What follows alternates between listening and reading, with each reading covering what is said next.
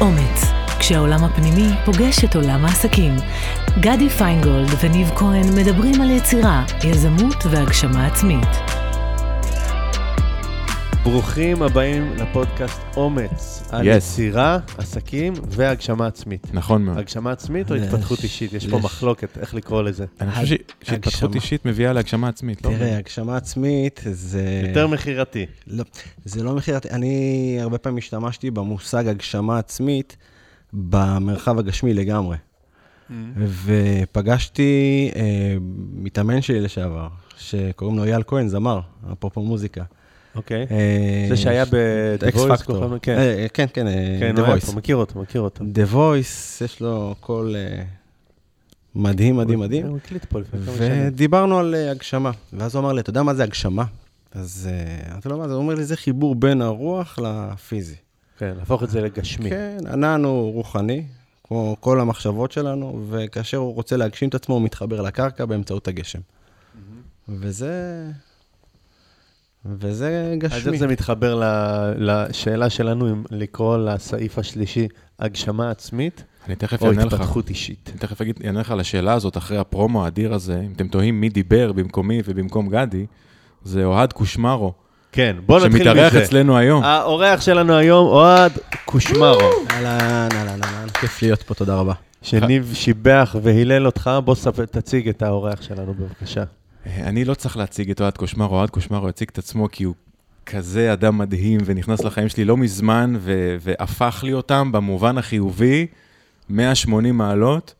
וברוך הבא, ותודה שבאת, ואני מת שתספר על עצמך, כי אתה עושה את זה כזה טוב. אז אה, קודם כל, כיף שהזמנתם אותי. אה, לפני שאני מציג את עצמי בתור אה, מה שאני ומי שאני, ואני בדרך כלל אוהב להציג את עצמי כחקלאי, אני חקלאי של בני אדם, אני עובד אה, בצמיחה יומיומית. אה, אנשים אה, מתחברים למקורות שלהם, ולא סתם אנחנו מחפשים את עצמנו במשך שנים, נוסעים לכל מיני מקומות, רק כדי לחפש את עצמנו, ובסוף אנחנו מוצאים את עצמנו הכי קרוב שאפשר. אז אני מאמן אנשים, אם זה ברמה העסקית, אם זה ברמה של ההתפתחות האישית, כי כל דבר קשור לדבר ש, שאנחנו עושים, אם זה ברמה האישית, ואם זה ברמה העסקית, ואם זה ברמה ההורית. אז אה, אם אני סוכם את זה ככה, אז אני חקלאי, עוסק בצמיחה, מלמד אנשים, אה, קודם כל לאהוב את עצמם, שזה מאוד מאוד מאוד חשוב.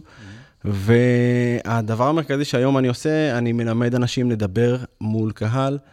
אה, על מנת שאנחנו נוכל לדבר מול קהל, אז אנחנו צריכים את ה basic basic, לחזור ל basic, לאהוב את עצמנו מול אנשים.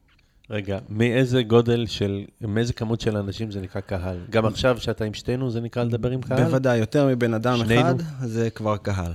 כן, זה, זה, זה, הקורונה הגדירה לנו את הקהל, אני אגיד לך למה. למה אני שואל, כי אני שמתי לב על עצמי שאני יכול, אני מוזיקאי, כן. אוקיי? ואני גם מלמד פה בבית ספר, אה, וזה מאוד רלוונטי לי, מה שאתה אומר, אבל אני שמתי לב, נגיד אני יכול להיות עם חבר, לשבת עם גיטרה, לשיר לו, ובלי להתאמץ בך, והוא יגיד לי, וואו, איזה מדהים זה נשמע וזה, ואני אגיד, באמת?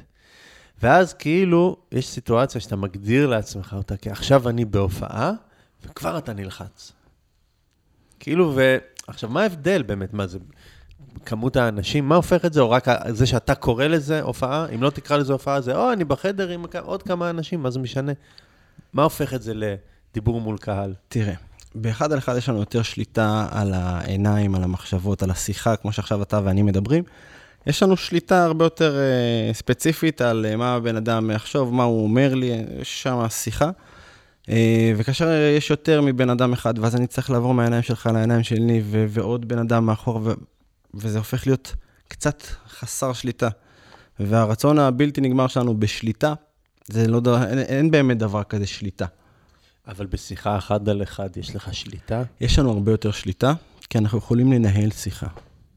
עכשיו, ברגע שאנחנו עולים על במה ויודעים לנהל דיאלוג עם הקהל שלי, בצורה מאוד uh, אינטימית ופשוטה ובגובה העיניים, ובלי כל המחשבות של מה יגידו, ואיך אני אשמע, ומה יחשבו עליי, ו... וכל הדימויים העצמיים שלנו, כי השיחה הזאת מתחילה ונגמרת בי. וברגע שהשדים שלי לא שקטים, אז הקהל ישר רואה את זה. הקהל מרגיש אותנו.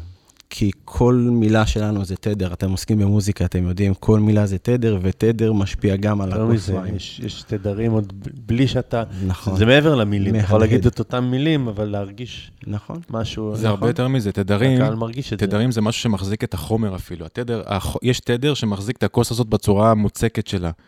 דוגמה, אם תשדר תדר מאוד מסוים, מספיק חזק, הכוס תתנפץ, אתה שובר לה את התדר. זה אפילו ברמה כזאת, מעבר למים רוטטים. מים רוטטים זה תדר אחד, יש תדר שממש ישבור את הכוס. זה עד כדי כך עוצמתי. וזה משהו שאני קלטתי רק אחרי שאוהד אימן אותי להרצאה שעשינו ב... אה, ב- לענף הפרסום, לתחום הפרסום, בענף, בתחום השיווק, עוד יותר אה, נישתי. אה, זה יפה, כי השאלה, של, השאלה הזאת של גדי על ההופעות חוזרת לאורך, כמעט כל פרק אנחנו מגיעים איכשהו לנקודה הזאת של הופעה, ומה, ו, וה... הקונפליקט העצמי הזה בינך לבין עצמך על הבמה, אני מספיק טוב, אני מעניין, יש לך את השאלות האלה כל הזמן על הבמה, הם, הם אה, נהנים, כן. הם מרוכזים, הם מקשיבים. אני עושה מעצמי צחוק, אני זייפתי פה, לא זייפתי כאן, אני מנגן מספיק טוב, שומעים אותי, אני לא שומע, כל מיני הפרעות כאלה שיש לך, והמקום הזה של כן. להיות, לנקות את השדים האלה. השדים האלה, ברגע שהם שקטים, אז אתה, אתה, אתה שם, אתה נוכח. והנוכחות הזאת זה הדבר הכי חשוב בהופעה, בהופעה מוזיקלית או בהופעה בכלל, אפילו ב- בלהרצות. אני כן. קולט את זה עכשיו, אנחנו התחלנו, עשינו איזושהי הרצאה שאוהד אימן אותנו, והתחלנו לרוץ איתה בכל מיני משרדי פרסום, ואני קולט לאט-לאט מתי אני בזון ומתי אני לא, מתי אני בתוך הראש שלי, ומתי אני מחוץ לראש שלי ואני נמצא עם האנשים שמסביב. אבל רגע, אתה, אתה דיברת על שליטה, וזה חזר גם במה שדני אמר. אה, דני. דני קושמרו, קושמרו, כן, כולם זרק. אותי. אוהד, סליחה. נמחוק את זה בעריכה. אתה מדבר על שליטה, וזה חזר גם למה שאוהד אמר בהתחלה, שכאילו, אתה אומר בשיחה אחד על אחד, יש לך שליטה, ובהופעה אתה כאילו מרגיש שאתה מאבד שליטה. מצד שני, אתה אמרת שכל המחשבות האלה, זה מה שדופק לנו את ההופעה, זה מה שתוקע לנו, כל הרצון הזה לשלוט. אם היית משחרר את כל המחשבות האלה ופשוט נ... להיות נוכח ברגע, זה אומר, אני מוותר מראש על שליטה. הרגע הזה ייקח אותי לאן שהוא ייקח אותי. אני לא אנסה לשלוט בו. זה כאילו הפוך על הפוך כזה. אתה מבין מה אני מתכוון? אתה אני- מתחבר למה ש... אתם אני מתחברים למה שאני מתחבר מאוד אומר? למה שאתה אומר, ואני חושב שזה הקטע של, של, אה, של שליטה. ברגע שתנסה לשלוט במחשבות, יקרה בדיוק הפעולה ההפוכה. ברגע שתיתן להם להיות ותעזוב אותם בשקט, תבין שהן חסרות משמעות לחלוטין, כי בכל מקרה אתה על הבמה, בכל מקרה אתה מופיע. אם תזייף, אתה תזייף בכל מקרה. אם לא תזייף, אתה לא תזייף בכל מקרה. מה שיקרה, יקרה בלאו הכי. התכוננת, אולי יש לך- התאמנת. יש לך שליטה על זה, אם, את- אם אני יותר אתרכז, אם אני אני לא דוגמה, יודע, גדי, יהיה יותר אתן לך חד דוגמה. פיזית. דוגמה מהחיים, מהרצאה, כן. מהרצאה שהייתי. היינו בהרצאה של האיגוד הזה, קיבלנו clicker, ה clicker היה במרחק של 18 מטר מהמחשב, אוקיי? בעמדת סאונד. עולים להרצאה, ה clicker לא עובד. טוב, אמרנו, מה נעשה? בלת"ם, ניכנס ללחץ? לא, ביקשנו ממי שעומד בסאונד, נגיד לו במיקרופון, תחליף את, ה, את ה slide. עכשיו, עזוב את זה שכל פעם הסליידים התחלפו יותר מדי מהר ויותר מדי לאט, עשיתי מזה, עשיתי מזה קטע, לקחתי והפכתי את זה לגג, במקום להילחץ מזה, במקום להיות במחשבות מה חושבים עליי עכשיו, בטח איזה פדיחות עשיתי, הרסתי את המצגת, הרסתי את כל ההופעה הזאת, אמרתי, טוב, בסדר, אה, מה לעשות, זה המצב, ואז התחלתי לעשות כל מיני צחוקים. אחד מהצחוקים היה אה, שאחרי אה, אה, של מיטל הסתיים, הרמתי את היד, אמרתי להם, הבנתי הכל, עצרו הכל, הבנתי בדיוק מה, איך ה clicker הזה עובד. וכולם נקרעו מצחוק. אתה מבין? הדבר הזה שחרר ממני גם את הסטרס הזה שה clicker לא עובד, גם כולם כבר באופן אוטומטי מבינים וסולחים על הדבר הזה, אף אחד בכלל לא מתייחס לזה, זה נהיה שקוף לחלוטין, ואני פשוט באותו רגע נכנסתי ל zone, באותו רגע לא עניין אותי בכלל שה clicker לא עובד. יעבור, יעבור slide, לא יעבור slide, בסוף זה קורה איך שזה קורה anyway, בלי שליטתי בכלל. אתה יודע, יש לי מחשבה טורדנית שמפריעה לי להיות נוכח בשיחה הזאת כרגע. אוקיי. אני רוצה לשנות משהו בסאונד. אני בבקשה, תוריד את זה, מה, תוריד את זה מהסיסטם. או, שומעים פחות, עכשיו כן, הרבה יותר טוב. פחות רוורביישן. עכשיו- עכשיו אני מודע לזה. אוקיי. מודע זה בדיעבד. היית, מה זה מודעות? מודע זה תמיד בדיעבד. עכשיו אתה לא תשכח את זה. מה זאת אומרת מודע זה בדיעבד? מודע זה מלשון ידע, ידע ב- ב- בעבר. כן, אז אחרי שמראים דבר. לך את זה, אני עכשיו ערני. לסיטואציה. עכשיו אתה גם תשים לב פעם הבאה. אני ער לזה. עכשיו, איך שאוהד, אוהד, נכון? כן. נכנס לפה, מהמם. ואני לא, לא הכרתי כל כך אה, זה, רק קראתי באתר שלך מי אתה ומה אתה עושה, הם מתחילים שניהם כזה להגיד איזה סגנון הוא, איזה סגנון הוא, ומתחילים לחלק אנשים לקטגוריות כאלה, וזה היה נורא נורא מסקרן. ואז כזה זרקתם לי משהו, אתה- ניב אמר שאני משימתי, אבל אה, אתה אמרת שאני מנתח. מנתח משימתי. מנתח. מנתח משימתי, זה המוביל שלך, אז אני אתן על זה תסביר בבקשה את כל ה... כמה מילים. זה משהו, זה הגדרות שלך, אתה מביא את זה זה מאיפשהו. מודל, זה מודל אה, של אה, פרופסור יעקב אדיג'ס מקליפורניה, יהודי. אוקיי, אה, אני שמעתי את הוא בנה. מודל שנקרא סגנונות ניהול. הוא לקח את המנהלים, סידר אותם לכובעים, אמר, נכון, יש זה... ארבע אותיות כאלה, נכון? יש את זה בהמון, אה, יש את זה בכובעים, יש את זה באותיות, יש יש את זה... אינטגרטור, נכון. יש... אה, קראתי את הספר זה הזה. נכון, אז יש אה, כל מיני, מוד... יש מודלים יש על מודלים. P זה אחד שמבצע. נכון. יש, אה, יש את ה... יש את administrator. המשימתי, תומך, אה, ה promoter שזה מקדם, ומנתח שהוא איש הפרטים והנתונים. אה, ויעקב אדיזס לקח את ארבעת סוגי המנהלים האלה ואמר, זה מנהל בצורה משימתית, זה מנהל בצורה של fun ואנרגיה גבוהה, יש אה, אחד שעובד יותר מתחושות ורגשות, שזה התומך, והשלישי עובד יותר פרטים ונתונים, הוא קצת יותר אה, נכנס, אתה יודע, לצורה, לאופן הרשמי.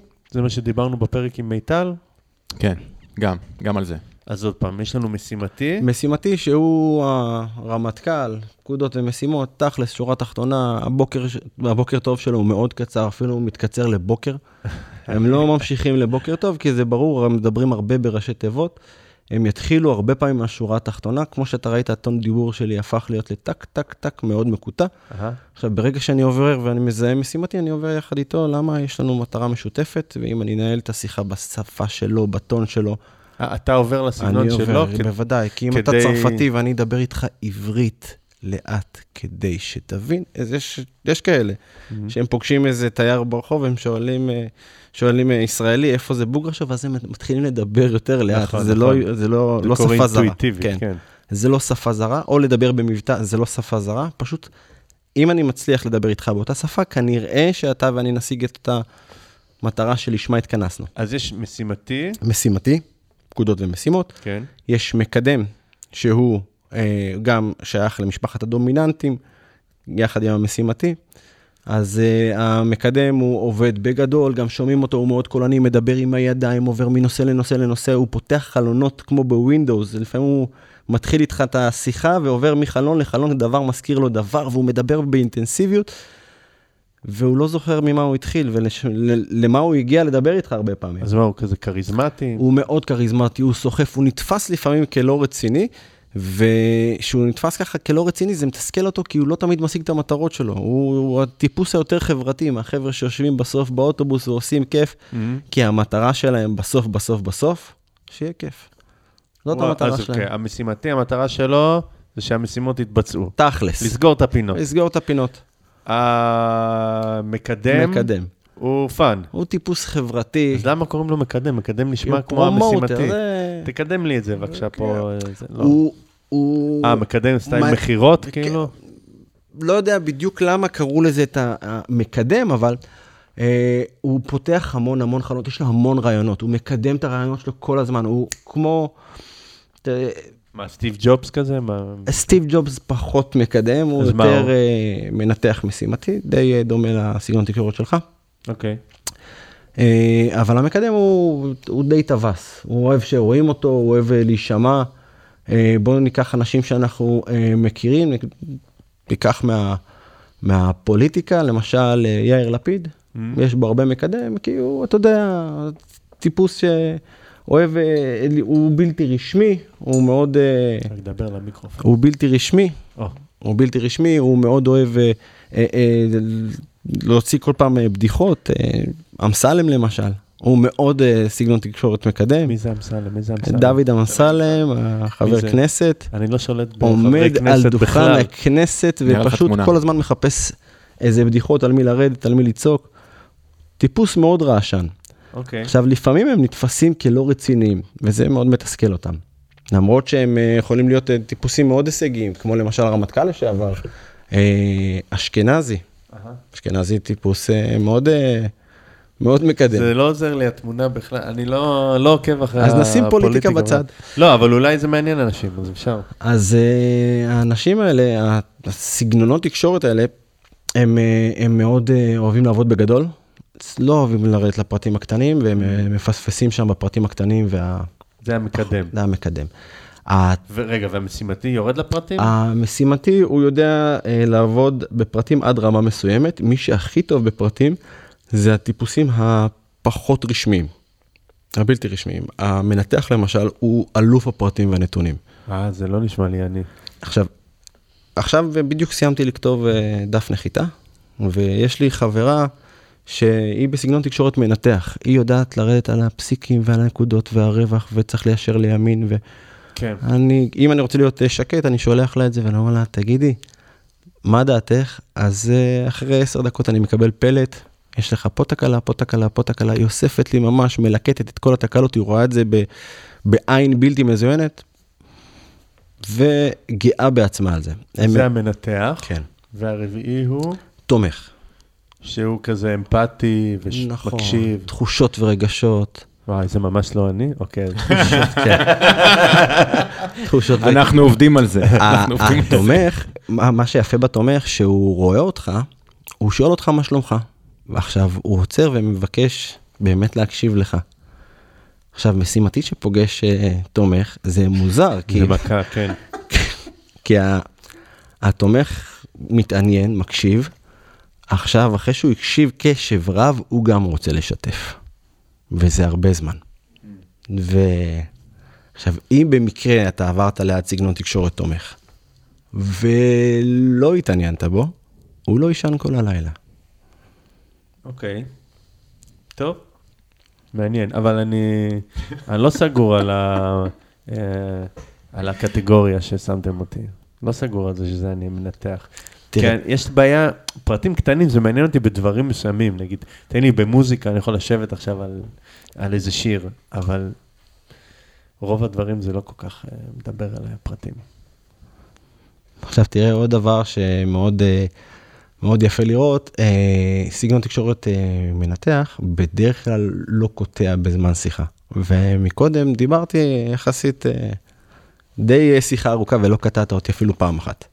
אתה תמיד מחכה. אבל אה, את ניב אני קוטע הרבה דווקא. אה, את ניב נכון. אתה כבר אה, מרגיש בבית.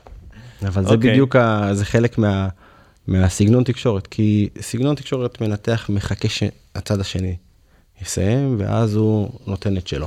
ומה הסגנון של ניב, משימתי? כן, משימתי, עם- מס- אמרתם יש לו- שיש גם שתי יש, אה, יש לו גם חלוקות. תומך. נכון. אז אתה משימתי, תומך, מהמם. ומה דעתך אני מנת- אה, מנתח, ו... אצלך יש אה, מנתח משימתי, וגם המקדם הוא מדי פעם מופיע. המקדם. אוקיי, ומה אתה? אה, מה אני לדעתך? ממה שככה... לא יודע, אני חדש במשחק הזה. בוא נראה. מקדם. יפה. אז קודם כל המקדם מאוד נוכח אצלי, אה, אצלי זה מקדם משימתי. אוקיי. כן. עכשיו, בעבר, בתור ילד, הסגנון תקשורת המרכזי שדיברתי דרכו, זה סגנון תקשורת תומך, תחושות ורגשות. עד היום שמפתיעים אותי, או כל מיני שינויים מעכשיו לעכשיו, מאוד, אה, מאוד קשים לי. אפילו אם אימא שלי באה אליי הביתה ומפתיעה אותי, יש לאימא שלי קטע כזה שהיא דופקת בדלת ופותחת.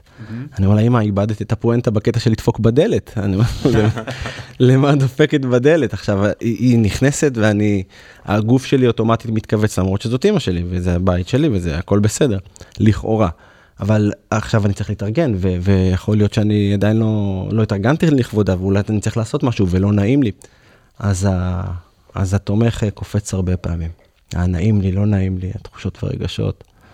אוקיי, ואיך זה עוזר לי, נגיד, אם אני יודע מה אני, או אם אני יודע מה הבן אדם שמולי? או, מה אני זה פחות, אה, פחות אה, רלוונטי, כי אני לא שואל את עצמי, טוב, באיזה סגנון תקשורת אני אכין לעצמי עכשיו קפה, או באיזה סגנון תקשורת אני הולך להתקלח.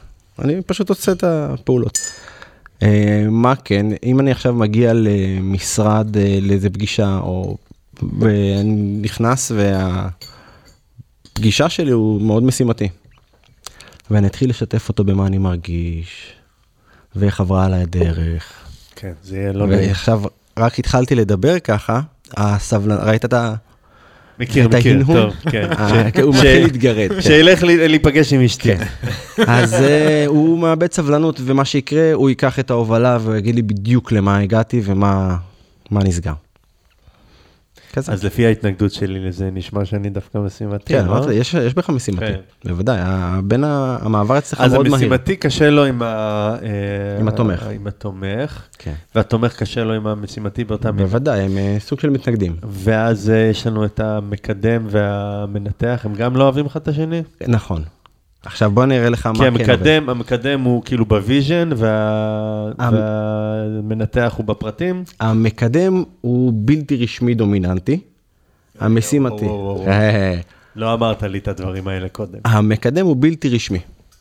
הוא לא פורמלי, גם הלבוש יש שלו שניים, כזה. שניים רשמיים ושניים לא רשמיים? כן. הוא בלתי רשמי דומיננטי, המקדם. המשימתי הוא רשמי. בסדר? גם רשמי וגם דומיננטי. שנייה, שנייה. כן. בוא נעשה את זה מסודר. קדימה. אני נכנס לעניין של הניתוח פרטים כרגע. ונתונים. עכשיו, אמרתי לך, תביא אותו להרצאה. כן. יש וגם- לנו שניים שהם אה, פורמליים ושניים שהם בלתי פורמליים. כן. מה השניים הפורמליים בבקשה? הפורמליים זה משימתי ומנתח. משימתי ומנתח. כן. אוקיי. והלא פורמליים? תומך ומקדם. אוקיי, תסביר את העניין של הפורמלי, לא פורמלי. אז. הפורמלי, אתה רואה את הפורמליות קודם כל אה, בשלום. אה, אצל אה, מקדם ומשימתי, השלום הוא בוקר טוב, קצר, וניגשים ישר לעניין, גם בשיחת הטלפון, מה שלומך? המנתח זה טוב, תודה. אצל המשימתי אפשר לדלג עליו השלום, כן, מה אתה רוצה, איך אני יכול לעזור לך? כן. א', ב', ג', מעולה, ביי. יש לי גיס, אפשר להגיד לזה גיס לשעבר אם התגרשתי? אפשר? אז אה, שהוא משימתי קצה. המשימה, אתה פותח ב- במילון משימתי, יש תמונה שלו. וואו. אה, אז יש בזה גם אה, ו- דרגות. כן, ממש. אנחנו ממש עובדים על ציר, מערכת צירים, ורואים מה המשני, מה המרכזי. יש לזה משני, שניוני, הכל. ועשיתי עליו איזה ניסוי. אני עברתי מחברת סלולר אחת לאחרת, ואז אמרתי לאשתי, בואי תראי איך אני מעביר את שגיב מחברה לחברה. התקשרתי אליו, אמרתי לו, שגיב, תקשיב. עכשיו עברתי מחברה X לחברה Y, הם עובדים בדיוק על אותם אנטנות, 50% במחיר, והאינטרנט שלהם הרבה יותר מהיר. עכשיו בדקתי, עשיתי מהירות, אה, בדיקת מהירות. הוא אומר לי, טוב, כזה, ב- ומנתק לי את הטלפון. פחות מ-20 שניות שיחה. אחרי שמונה דקות אני מקבל וואטסאפ באימוג'י אחד, thumbs up. סגור, בוצע. עכשיו, משימתי תראה לו שזה, יפה שהוא עדכן אותך. כן, תראה לו שזה עובד, בדקת, הוא יעשה שינוי. אם תגיד לו, תקשיב, יש לי רעיון, אני אגיד לך, אין בעיה, לך תבדוק את הרעיון, תחזור אליי. עכשיו, אם אני יודע לא להשתמש, למשל אני אבוא ואני אגיד לך, תקשיב, יש לי רעיון, בוא תזרום איתי, תגיד לי, בדקת את זה? יש שם, זה מוכח? כי חבל לי לבזבז את הזמן. לך תבדוק, תראה לי שיש לך הוכחת יכולת. כן, ו- ואתה נותן לי עכשיו עוד משימות, לא, יש לי נו. מספיק. כן, יש לי מספיק רעיונות. הייתה לי פגישה עם איזה אה, מנכ"ל חברה, לא משנה מה, EY, שאמרתי לו, תקשיב, יש לי רעיון גדול בשבילך, הוא אומר לי, תקשיב, יש לי מלא רעיונות איך לבזבז את הכסף, בוא נהיה ממוקדים. איך שהם שומעים את המילה רעיון, הם רוצים לראות את התכלס. רעיון זה כן, נתפס זה אצלם לא רציני. כן, זה נתפס כלא רציני. עכשיו, ברגע שאנחנו טועים לפעמים במילה, זה מקפיץ, ואנחנו. מפספסים את אבל זה המטרה. נשמע לי הכל לתקשורת בין אישית, זה נכון. לאו דווקא דיבור מול קהל. תחשוב, לא, זה, בקהל יושבים לך כל הסוגים הרי. אז זה, זה ספציפית כן תקשורת בין אישית, זה חלק מה, מהכלים התקשורתיים שאני מלמד, וזה עולם אדיר, אני כל הזמן לומד עוד ועוד ועוד, זה, זה לא נגמר. עכשיו, תחשוב שיש לך שריר שנקרא אה, אה, תקשורת, או שלמשל אתה מנגן על כלי, אתה מנגן על פסנתר, נכון? כן, מנגן. מ-. מנגן על פסנתר. עכשיו, אתה יכול להשתפר עוד ועוד ועוד באותו כלי? אתה יכול, אבל העקומת, אה, יש עקומת רביעייה. יפה. עכשיו, אם אני אה, מלמד אותך לנגן על עוד כלי, אז בהתחלה הלמידה שלך הרבה יותר מהירה. יפה. כשאתה ביגינר זה הרבה יותר קל. אז ככל להתקדם. שתתאמן על יותר כלים, זה כמו שפות, ככל שתתאמן על יותר כלים, ככה השליטה שלך במרחב המוזיקלי הרבה יותר גדולה. כן. עכשיו, האוזן שלי היא הפכה להיות הרבה יותר רגישה, כי אני כבר מהלו בטלפון, אני כבר יודע לזהות בן אדם ולהתאים את עצמי אליו באופן מאוד, כמו פילטר קבוע שיש עליי.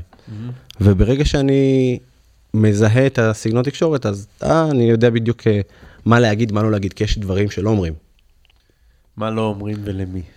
אה, אז אה, מה לא אומרים? אה, תגיד את זה למיקרופון. לא אומרים למקדם, בסדר? אתה חייב. אם אתה אומר למקדם, אתה חייב, הוא יגיד לך, אני לא חייב שום דבר.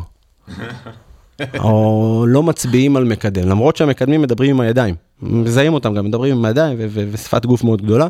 אבל אם אתה תדבר אליו עם הידיים, הוא יפרש את זה הרבה פעמים כתקיפה ואיום. למה אתה מדבר אליי ככה? עכשיו, יש לי אחיין שאני כל הזמן נותן לו ככה, אה, אה, עושה עליו ניסיונות, הוא סגנון תקשורת אה, משימתי, אני אומר לו, נועם, תעשה לי טובה, תביא לי כוס מים. אני לא צריך לעשות לך טובות.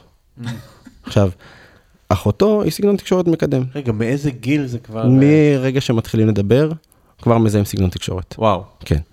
זה יושב על דיסלקציות שלנו, וכדי שאנחנו נוכל לשרוד במרחב, אנחנו יכולים לדבר על אה, תקשורת כבר מגיל מאוד מאוד מאוד קטן. אז נתתי דוגמה, למשל, אה, בגלל שלא מדברים עם ידיים, אז אני פונה לאחותו ואני מצביע עליה ואני אומר לה, משי, את הילדה הכי חמודה בכל הבית.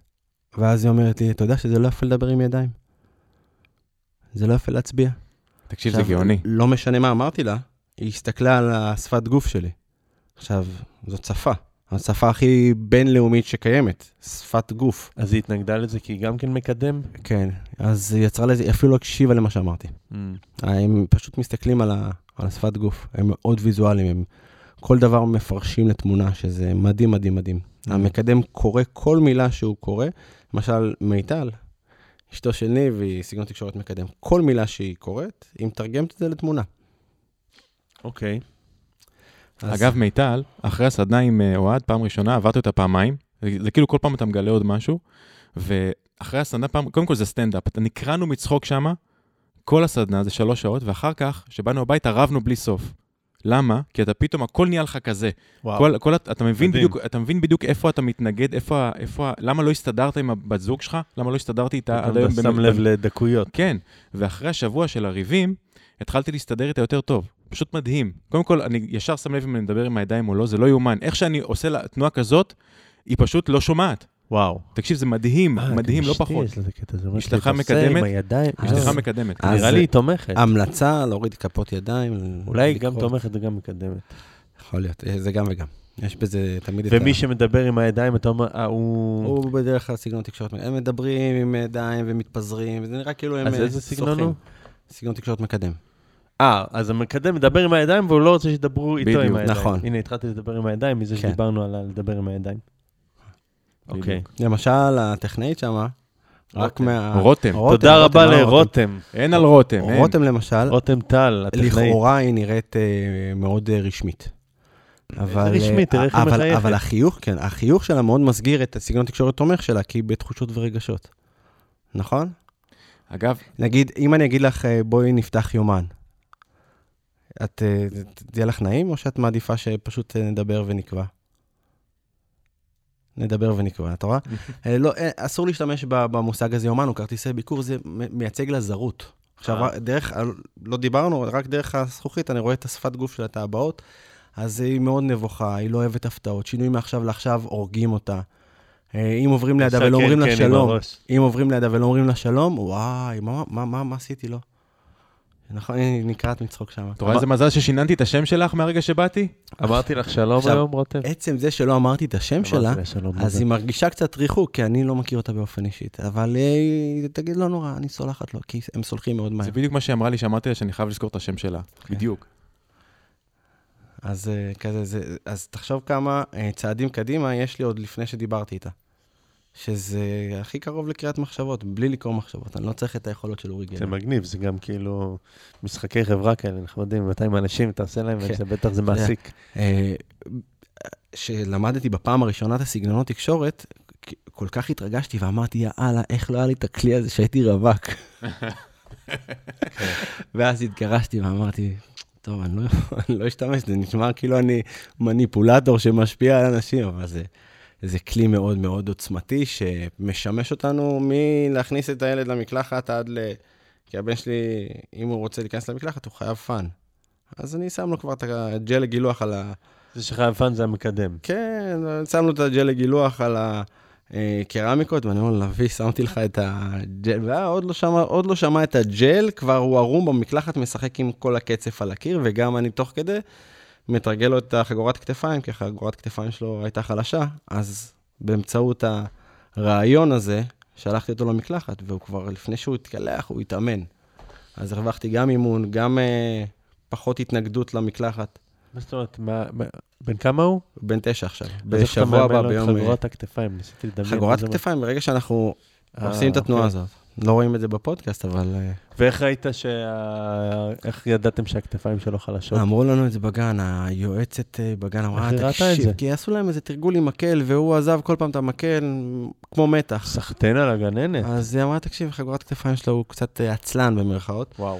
ואז היא אמרה, תתרגלו את זה עם קצף על הקרמיקות במקלחת. אמרתי להם, איפה את יודעת שיש לנו קרמיקות במקלחת? הוא סיפר לי על הקרמיקות. טוב, יפה, אז אתה... בוא, בוא תן לנו קצת, אה, לנו, למאזינים, אם אפשר, ככה בקצרה, ברור, ש... ברור שאין על לבוא לסדנה ולחוות את זה ולעשות תהליך, תהליכי עומק, אבל אם אתה יכול לתת לנו כזה כלים שאפשר לזהות ולהשתמש. אה, אז קודם כל, אני, הכלי המרכזי, אני רק בודק אם הבן אדם שמולי הוא רשמי או בלתי רשמי. איך אני שומע שהבן אדם רשמי?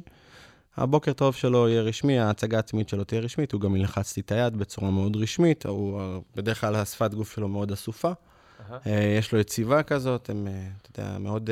אז זה המנתח והמשימתי. מנתח ומשימתי. אה, התומך והמקדם, יש להם בוקר טוב מאוד...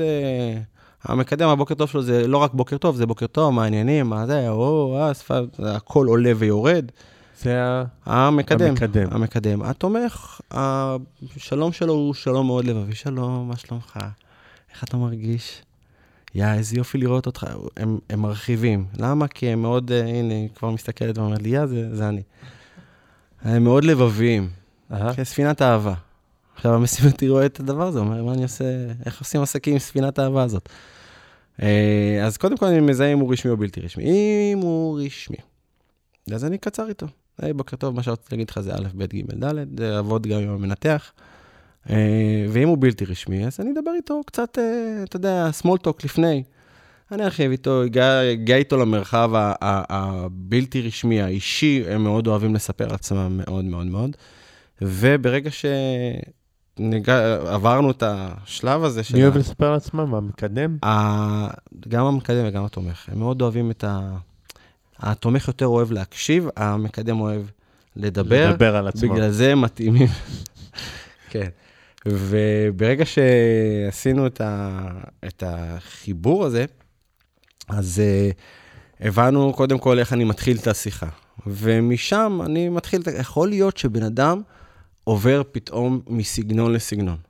אז אני לא נצמד לסגנון אה, הראשוני, אוקיי. יכול להיות, כי אתה התחלת איתנו בסגנון תקשורת מנתח, השלום שלך היה מאוד רשמי, אבל אה, ומה אני עושה עכשיו?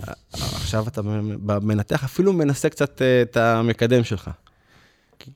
אז אני עדיין, כן. אתה מרגיש שאני עדיין כן, במנתח. ב- במנתח. כי מה שאתה עושה עד עכשיו, אתה דולה פרטים ונתונים. מאוד חשוב לך פרטים ונתונים. עכשיו, מעבר לזה, אני מוציא לך חשבונית. ומה המקדם שלי, אה, איך הוא בא לידי ביטוי? המקדם זה אצלך ביצירתיות. אה, כשאתה נכנס לחדר אה, יצירה שלך, אתה אוהב אה, סיור מוחות. אוהב. בוא נזרוק, נזרוק רעיונות. שם, ברגע שאתה נכנס ל- למסגרת הברורה, הברורה שלך, ושם אתה יכול להיות יצירתי, אז אתה מרשה לעצמך להפליג. בשאר המקומות אתה אוהב שהדברים כסדרם. דיברנו על זה באחד הפרקים, על כובעים שאנחנו עוברים בין הביזנסמן למוזיקאי.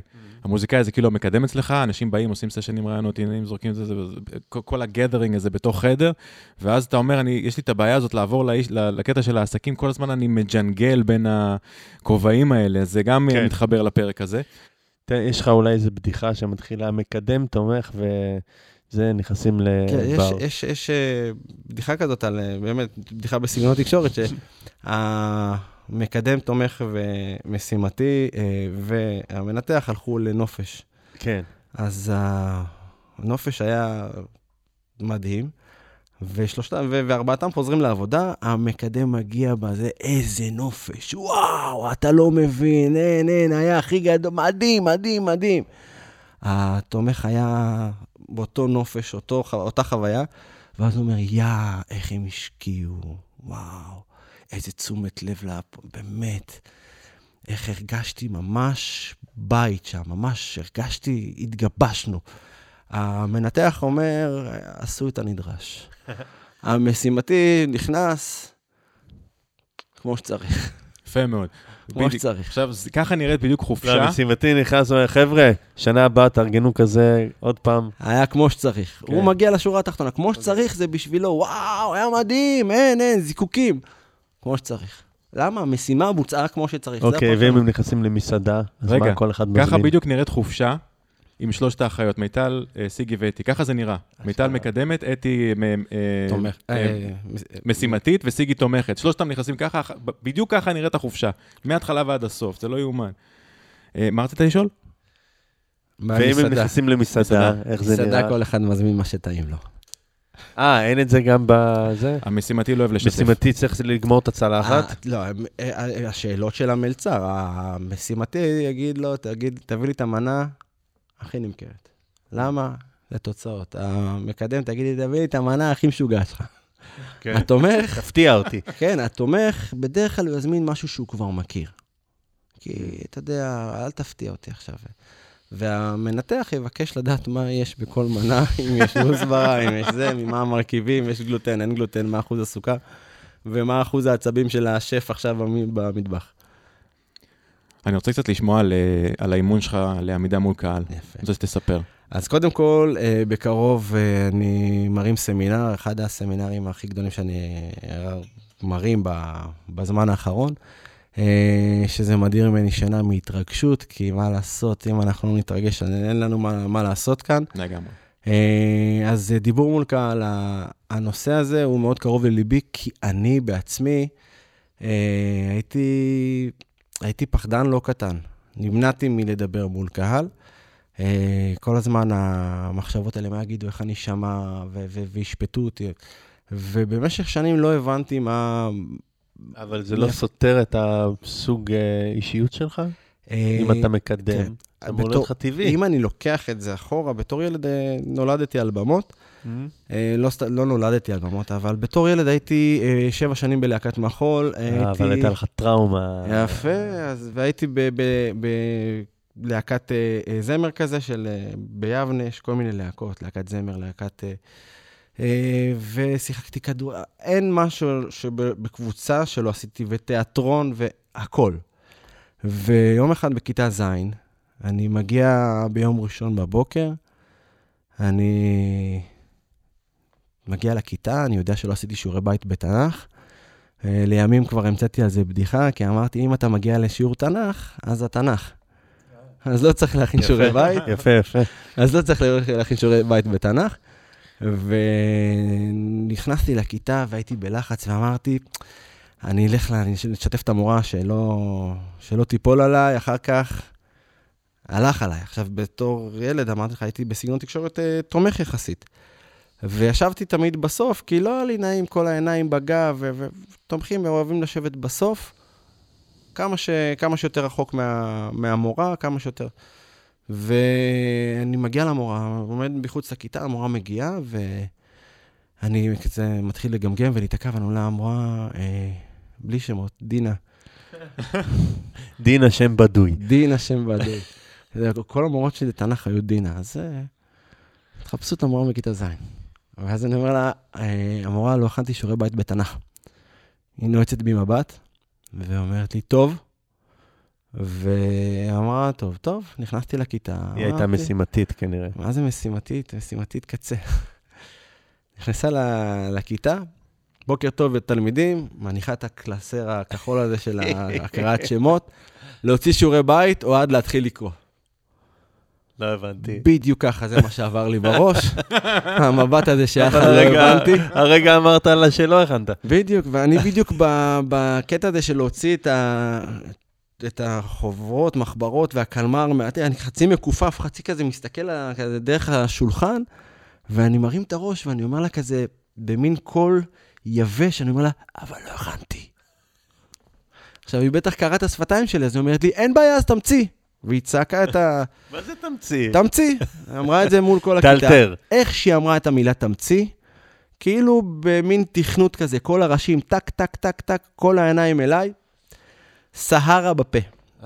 לא ראיתי את העיניים, הרגשתי את הדופק שלי, אמרתי, הלב שלי עוד מעט יוצא מהמקום. ואני אמרתי את העיניים האלה, אני יותר לא אראה, זה סוג של הסכמה בלתי, לא בעל פה, לא אמרתי את זה באמת בעל פה, אבל אה, אמרתי לעצמי את זה בטח בלב, אני את העיניים האלה לא אראה. ושנה לאחר מכן, כיתה ח', ממש בין כיתה ז' לכיתה ח', עברנו דירה מיבנה לראשון, ועליתי לתורה, בר מצווה. אמא שלי לקחה אותי לרב, הוא אומר לי, תקשיב, איזה דרשה יש לך, ראש חודש, הילולה, בית כנסת מלא. ו- אני אומר לו, מה זה אומר? הוא אומר, קודם כל, הדרשה שלך גדולה. לא, לא סתם, זו דרשה של ראש חודש. אמרתי לו, ו? הוא אומר לי, ובית כנסת מפה לפה. אני אומר לו, אין בעיה. ואז אני יוצא, מתחיל לחשב לעצמי, מתחיל לחשב את קיצי לאחור, ואז אני אומר לאמא שלי, איזה כיף זה בראשון לחודש בר מצווה. ביום הראשון של הבית ספר. ואז היא אומרת לי, "בר- הוא אמר ראש חודש, אמרתי לה, לא, בראשון לחודש. מה שקרה בסוף, שלא עליתי לתורה ביום שלי, שיקרתי לאמא שלי והתאמנתי על אה, דרשה אחרת לגמרי. התאמנתי. על הדרשה שהוא נתן לי, וגם הקליט לי והכל. ופשוט לא, אין לי אפילו תמונה מהבר מצווה, אמא שלי רצתה שאני אלך לסטודיו, או שנצטלם עם התפילין, כלום, אין לי שום תמונה. אה, גם רוב התמונות שלי בין כיתה ז' לכיתה, עד לצבא, בצבא, אם לא היו לי חברים שהיו מצלמים, לא, לא היו לי תמונות מהצבא.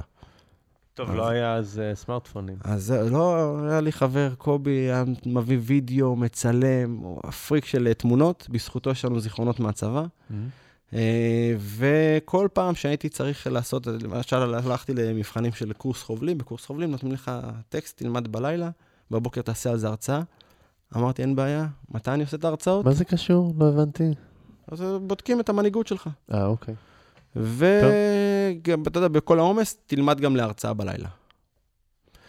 אז אמרתי, אין בעיה, מתי אני עושה את ההרצאה? יופי, אני שומר מעל. אז בכל פעם שאני הייתי צריך לעשות אה, אה, משהו מול קהל, גם תדריכים בצבא, הייתי צריך לעשות תדריכים, הייתי מתרגל לאנשים אחרים. לא אני הייתי עושה את ההרצאות. הייתי בורח מזה כמו מאש. עד שלימים הגעתי ללמוד אימון, ופגשתי את המאמן הראשי שלי, שקוראים לו אלון גל. ומאמן אה, בקורס, והוא אמר לי, אין בעיה, אתה תהיה מאמן עסקי. אמרתי לו, לא, אני מאמן אישי, מאמן עסקי, מאמן אישי, מאמן עסקי, מאמן אישי, הוא ניצח. שמה ההבדל? תסביר לי רגע. מאמן עסקי עובד עם קבוצות. כמו בבנק, אה, חשבון פרטי, חשבון עסקי? לא. לא קשור. מאמן עסקי עובד עם קבוצות, עם ארגונים. מאמן אישי יושב אחד על אחד בחדר, קליניקה, סטייל פסיכולוג כזה. אה, והוא אמר לי, תקשיב, אתה תהיה יופי של מאמן עסקי. אמרתי לו, תקשיב, אין לי... למדתי תקשורת מנהל עסקים, לא הבנתי מה עושים עם זה, באתי ללמוד אימון. אז בוא... ואז הוא אמר לי, אתה תהיה מאמן עסקי טוב. אמרתי לו, אבל אה, אני לא... הוא אומר לי, למה? אמרתי לו, לא רוצה לעבוד עם קבוצות, זה... יש לי קצת אה, לחץ מזה. הוא אומר לי, אין בעיה, יש לנו על מה לעבוד.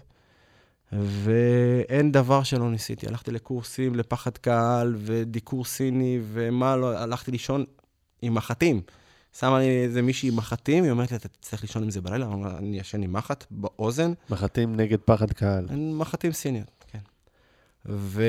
וכל זה בגלל הטראומה מכיתה ז' של המורה לתנ"ך? כן, אבל אני לא- היום לא יודע אם להודות לה, או לכעוס עליה שהיא עשתה את זה. אבל איך אתה יודע שאתה בטוח שמהאירוע האחד הזה יכול לעשות כזאת השפעה שלילית מאירוע אחד? זה נראה לי תמיד ככה, תמיד יש איזה לא- משהו כזה. מילא היית אומר, אימא שלי או זה, מורה, כאילו, מה אכפת מה- לך? מה המורה... מה זה, מה זה פחד? פחד זה זיכרון של כאב. עכשיו, ברגע שאנחנו, אה, הכאב הזה צף לנו, אז אה, הוא מפעיל לנו טריגרים.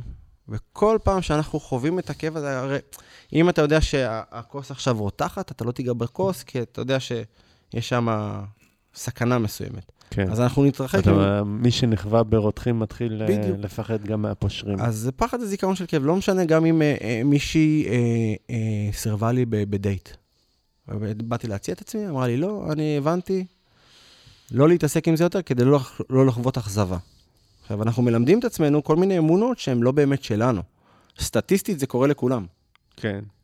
עכשיו, בגלל שזה אה, קורה לנו, אז אנחנו צורבים בגוף איזו חוויה, וכל פעם שאנחנו ניגשים לאזור הפחד, אז אנחנו אה, כמו מכווצים את היד מפני אש.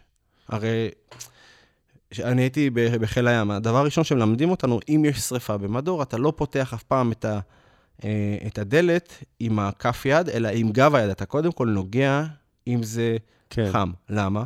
כי ליד יש אינסטינקט להתכווץ. עכשיו, אם נגעתי בדלת בידית חמה, והתכווצה לי היד על הידית, קיבלתי קביעה. כן. אז עדיף לכווץ את היד הפוך. אותו דבר הגוף שלנו, הוא מתכווץ. אבל אתה מספר, ש... סליחה שאני קוטע אותך, כן. אבל דווקא אתה, שהיום מלמד אה, איך להרצות מול קהל, שדווקא לך היה את ה... זה כמו שאני אגיד לך, סופרמן, שהיה לו פחד מלעוף, או משהו כזה. נכון. אז, אז בגלל שאני התאמנתי על זה, והייתי, הגעתי לנקודה שאני, זה נקודת אל-חזור. זה או שאני נלחם בזה, או שאני מוותר ואומר, בזה אני לא טוב. אגב, זה חסם אה, הישגיות מאוד אה, נפוץ, להפוך את עצמי לבעיה. עזוב, אני לא טוב בזה. לא טוב בזה. לא טוב בזה. עכשיו, אבל מצד אחד... הפוך, אתה, כנראה שאתה טוב בזה אם אתה מלמד את זה. אז, אז זהו, אז, אז איך דווקא לך היה את ה... אז אני הבטחתי לעצמי, מזה. ביום שאני אנצח את זה ואני אתחיל ליהנות מול קהל, אז אני, אני אלמד את זה אחרים. וזה הסכם שעשיתי, זה הסכם נוסף שעשיתי עם עצמי. מתי, באיזה גיל? אגב, עד היום יש לי אה, התרגשויות. לפני שנכנסתי לפה לאולפן, אני רואה את האולפן הזה, אמרתי, יא, אימא, זה, זה, זה. יש את, ה, את החרדת ביצוע, או את כן. ה, אם השיחה לא תזרום, אם אה, כל מיני שאלות כאלה. אה, ופה פה נכנס הכלי האימוני הזה שנקרא החזון. אנחנו נדבר על זה אולי קצת בהמשך. אה, תזכירו לי, אם, אם אני אזכור לדבר על הדבר הזה חזון, אבל זה דבר שמאוד אה, מוביל אותי ואני נשען עליו. הוא עוזר לי מאוד. למה אני עושה את זה? כן, מה, מה אני מביא, לא מה אני לוקח. כי רוב מה האנשים אני רוצים... נותן, נכון, כן, רוב האנשים אומרים, טוב, מה, מה אני הולך לקחת? לא, מה אני מביא. כן. אם אני הולך למסיבה ואני אומר, טוב, בדיעבד היה כיף, למה לא הבאתי את הכיף מההתחלה? אז זה, זה עניין של אה, חזון, זה הרבה פעמים גם נוגע בעסקים. אה, אז ברגע שאני התחלתי ליהנות מול קהל, אה, התחלתי לאסוף את כל הכלים שעזרו לי כדי אה, להתגבר על הפחד קהל. ואתה אתה נהנה או שיש לך עדיין רגרסיות היום כאלה אני נהנה, שחוזר קשה- הפחד? קשה להוריד אותי מה, מהבמה, מאוד. יש לי תמיד את, את הדקות הראשונות שאני מתרגש. תמיד יש את הדקות הראשונות. עכשיו, לדקות הראשונות יש שיטה, מה אני עושה בדקות הראשונות, אפילו נו, את, אה, מה ניב ואת? מיטל. אה, זה מסקרן, נכון? אז הדבר הראשון שאני עושה, אני אגיד לך את הדבר הראשון והשני שאני עושה, אני נעמד, אתה מכיר את הדבר הזה שנקרא עמידת כוח? תסביר. עמידת כוח, כמו גיבורי על, עם ידיים על המותניים. עכשיו, ברגע שאנחנו עומדים עמידת כוח, אוטומטית, מה קרה לכתפיים שלך? חגורות הכתפיים שלי... אה, אוטומטית, אנחנו, כל הגוף שלנו מוחזק יותר. ברגע שאנחנו, הגוף שלנו מוחזק, הוא מתנגד לגרביטציה, אז אה, אוטומטית המוח שלנו מפרש את מה? טוב, יש לנו ביטחון, אנחנו כן. גיבורי על. אחרי המעשים נמשכים הלבבות, ככה זה נקרא. בדיוק. אז אני יכול, אה, או ל- באנגלית fake it till you make it. אני יכול להשפיע על, על ה mind שלי מבפנים החוצה, מהחוצה פנימה. state of mind משנה שפת גוף, שפת גוף משנה state of mind. נכון. אה, זה נקרא דדוקטיבי, אינדוקטיבי. אה, אז אני קודם כל עובד במה שתלוי בי. זה כמו הניסוי הזה שאנשים שמים עיפרון ב- נכון. בפה, וזה נכון. מכריח אותם לחייך והם נהיים או יותר שמחים. ללכת עם משקפי שמש בחורף. למה הולכים עם משקפי שמש? בחורף? כי ב- אם אנחנו מסונוורים, אה, אז uh, שריר הכעס בין הגבות מתכווץ, אשכרה. ואז המוח שלנו אומר, אה, הוא כועס, אז התגובה שלנו תהיה שנגיע הביתה, כעסת כל היום, לך תוציא את הזעם. ואז כן. אנחנו מגיעים כוע- כועסים, אנחנו אפילו לא מבינים למה אנחנו כועסים. אז זה מאוד משפיע עלינו, השפת גוף מאוד משפיעה על ה... אז קודם כל, אני לוקח את הדקות הראשונות בשבילי ובשביל הקהל, עומד, מסתכל, סורק אחד-אחד, מביט בהם בעיניים, נרגע, מוריד את הדופק, ואני מתחיל ישר בדבר הזה שנקרא שאלות. נתחיל מהשאלות? אני שואל כמה שאלות. אתה מכיר את שלום, הגעתי, יש שאלות, זה? לא, מתחיל בשאלות. אה, אה, מי, אה, למי פה בחדר יש פחד קהל? אבל אני לא יכול מי- לעשות את זה בהופעה, להתחיל לשאול שאלות. למשל, מי, מי, מי הגיע לפה מרחוק? בהופעה. מי היה צריך לעשות בייביסיטר? אז קודם כל, תודה רבה לך שהגעת. איזה כיף. זה לא מובן מאליו. אתה בא להופעה, הם מצפים שתתחיל לשיר. אז זהו, בהופעה- לעשות סקר. בהופעה שאני עם... אה, זה, אז כן, יש לנו את הכלים, אבל כשאני צריך לדבר, אז אני, במקום אה, לבוא וישר לפרק להם את כל הידע לתוך הראש, אני פותח איתם בשיחה. מה היית ממליץ אבל לזמר יוצר, שהוא בא להתחיל הופעה והוא מרגיש את הפחד? לדעתי, מי בא מרחוק זה וואו. אני חושב שזה אחלה של שאלה, כי אתה קודם כל מחבר את עצמך לקהל, תחשוב, מישהו בא מרחוק, אתה וואלה, הוא מעריך אותי שבאתי מרחוק, תחשוב איזה איך בן אדם מרגיש שהוא יושב שם. אתה לא היית מתחיל עם שיר, אתה היית מתחיל לא? לדבר. לא, ד, דווקא כן, אה, אומנים, בזמן האחרון אה, עבדתי גם עם יאיר לוי, גם עם אה, עמית צוברי, עם אייל כהן, ועוד כל מיני אומנים וזמרים שהגיעו אליי, ואמרו, תקשיב, בזמן האחרון יש אה, קטע כזה לדבר עם הקהל. בין המעברים, יש אה, שיחה עם הקהל. עכשיו, מה, מה אני עושה? מה אני עושה עם זה? אז אה, התחלתי לעבוד איתם על זה. מה אני... זה כן, הרי איך איך אני ניגש לזה? הש- השדרים עוברים גם תוך כדי שאתה שר ומנגן, אתה עדיין... אה, אז השיר הראשון זה שיר שאתה כבר רגיל, תיקח את הדבר שהוא, ה- ה- ה- ה- נקרא לזה הפורטה שלך, כנס עם הפורטה, עם משהו מוכר. זה כמו חפץ מעבר של ילד קטן. למה יש הדבר הזה שנקרא חפץ מעבר? הוא, עד היום הבן שלי בן תשע, אני מקווה שהוא יסלח לי שאני משתף את זה.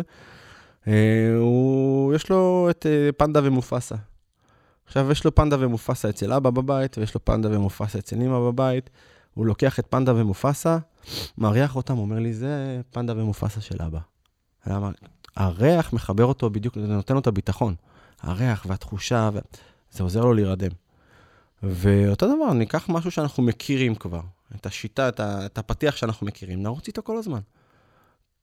הדבר הראשון שאנחנו עושים, קח משהו מוכר, אל תעשה משהו שאתה לא מכיר, לפחות זה בהתחלה. ברור, כל השירים אתה בשאיפה עבדת עליהם לפני. נכון. אתה לא בא ומאלתר. אבל אתה לא בא ושם אה, על ההתחלה שיר של. הופעת בכורה. אתה לא יודע איך הקהל יגיב עכשיו. אה, אתה מדבר על ההיכרות של על הקהל, או ההיכר- או היכולת ביצוע שלך? אז- שני דברים שונים. אז קודם כל, ב- בתור זמרים, זה- תנגן, תעשה איזה ניגון, תעשה, תעשה משהו, בסדר? מה, כאילו קאבר, משהו מוכר? מוכר לך. שאתה בטוח בו, שהקהל בטוח. לא, משהו- אתה אומר שני דברים שונים. לא. שאתה בטוח ביכולת ביצוע, או שהקהל מכיר ושר? קודם, קודם, כל, איתך? קודם כל אתה. קודם כל שאתה, לך זה בטוח. שזה ה-comfort zone שלך. כן. המקום הכי, הכי נוח לך. תעשה משהו שאתה מכיר, למה? כי זה הביטחון שלך. אני, כל פעם שאני הולך למשהו שאני מכיר, טיילתי שלושה חודשים בהודו. זה סיפור מהמם. אה, היינו צריכים להגיע לבומביי, לקראת החזרה לארץ, ולקחנו את הרכבת מ... אה, לא זוכר בדיוק איזה נקודה, מנקודה לנקודה, היינו בטוחים שזה רכבת ל-24 שעות. אני קם בבוקר, ואז אני מגלה שיש לי עוד 24 שעות. כי 48 שעות רכבת, ואני כבר רציתי למרוט את עצמי לדעת. וכל הרכבת אוכלים שם סמוסה, ו- וכל מיני מאכלים הודים, אה, אבל לא והצ'אי הבאת שלהם. אוכל? ולא, לא הייתי מאורגן לא, לא אוכל, לא כלום. והטעמים ההודים כבר, הייתי, הייתי כבר על הקצה עם האוכל. והגיע אליי גם איזה בחור שהזדהה בתור קטרינג רלווי. What do you want to eat? אמרתי לו, give me all the breakfast, נתן לי קונטיננטלית, נתן לי זה, לקח את הכסף, קפץ מהרכבת, גנב לי את הכסף. וכן, קטע, באמצע הנסיעה, בן אדם. וואו. והגעתי למומבאי, איזה 12 בלילה, שמתי את הדברים בגסטהאוס שלקחנו, נכנסתי למונית, אמרתי לו, מקדונלדס. עכשיו, במקדונלדס, בהודו זה גם קטע, כי אין להם בקר. זה אהה. הכל chicken. אז הלכתי, קניתי ארבע קופסאות של צ'יפס. כי הצ'יפס הוא בכל העולם, זה משהו שאני מכיר. ואני אוכל את הצ'יפס ואני מרגיש איך הביטחון שלי חוזר. הלכתי, חיפשתי משהו שאני מכיר. כן. אז אותו דבר על הבמה, אל תחפש משהו שהוא עכשיו גרנדיוזי כדי... יש לך את ה-one trick pony שלך, את הדבר שאתה מכיר, כן, תעשה אותו. תחזיר לעצמך את הביטחון, כן, כן. אחרי כמה דקות, כל הרעידות, כל הלחץ, הכל יורד, דבר עם הקהל. כזה. אז... אה, אז לשחרר עם השיר הראשון הכי, שהכי נוח לך איתו בעצם, ואז אתה מתחיל בעצם, אתה, אתה יכול לשאול אה, מי בא מרחוק, או מה שאתה רוצה. נכון, תוקיר את הקהל. הקהל הגיע, הוא לא הגיע, הוא לא הגיע בשבילך, אף פעם הקהל לא מגיע בשבילי. מהמם. הקהל בא ליהנות. כן. הוא בא ליהנות, הוא בא ללמוד, הוא בא... הוא בא עבור עצמו. אבל זה שהוא בא להשקיע בעצמו, והוא גם קנה כרטיס, והוא גם התלבש יפה, והוא גם הגיע בזמן, שזה לא טריוויאלי. מהמם. אני הייתי, היום למשל, קבענו בחמש, הייתי בדיוק על הקצה, דקה לחמש הייתי בדלת. עכשיו, כל פעם שאני מגיע בזמן, אני אומר, איזה מגניב. אני, אני עף על הקטע הזה של להגיע בזמן. כי זה לא מובן מאליו, אתה יודע, עם כל הפקקים והשינויים. ו... לגמרי. אז uh, once הגעתי, תוקיר, הדבר הראשון שאנחנו עושים כשאנחנו קמים בבוק, בבוקר זה מה? מודה אני. מודה אני, תוקיר, זה הדבר הכי טריוויאלי. תודה זה מאלוהים, זה אמא שלי תמיד אומרת לי, תודה זה מאלוהים.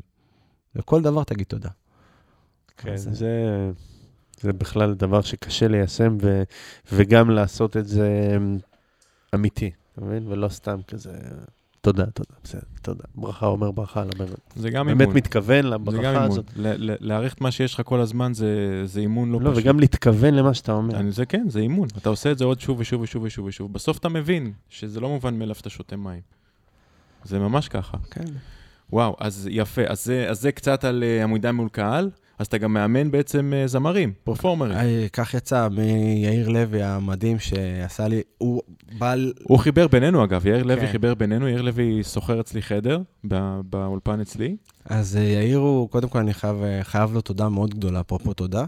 אה, עשינו פגישה, ובפגישה הראשונה הוא הגיע עם אה, מצגת על שייטת 13, הוא לוחם שייטת 13, וזה מה שהוא עושה, הוא גם עושה הרצאות בבתי ספר, אה, משולבות עם אה, מוזיקה, והוא בא והראה לי כל מיני סרטוני שייטת וסרטוני רעל, וסיפר לנו על, ה- סיפר לי על המרמרה, של כל האירוע שהיה שם, ואני הצוות, אה, בין הצוות, הצוותים הראשונים שהתאמנו על לעצור אירוע כזה כמו של המרמרה, כי אני גם יוצא חיל הים, ואיך שהוא מראה את הסרטונים, אני מתחיל לבכות, יושב שם בחדר.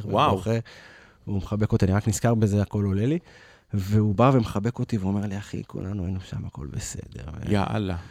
ויצאתי משם, למה, למה בכית? אתה יכול רגע להחזיר, להכניס אותנו ל- להסביר את הרגע הזה?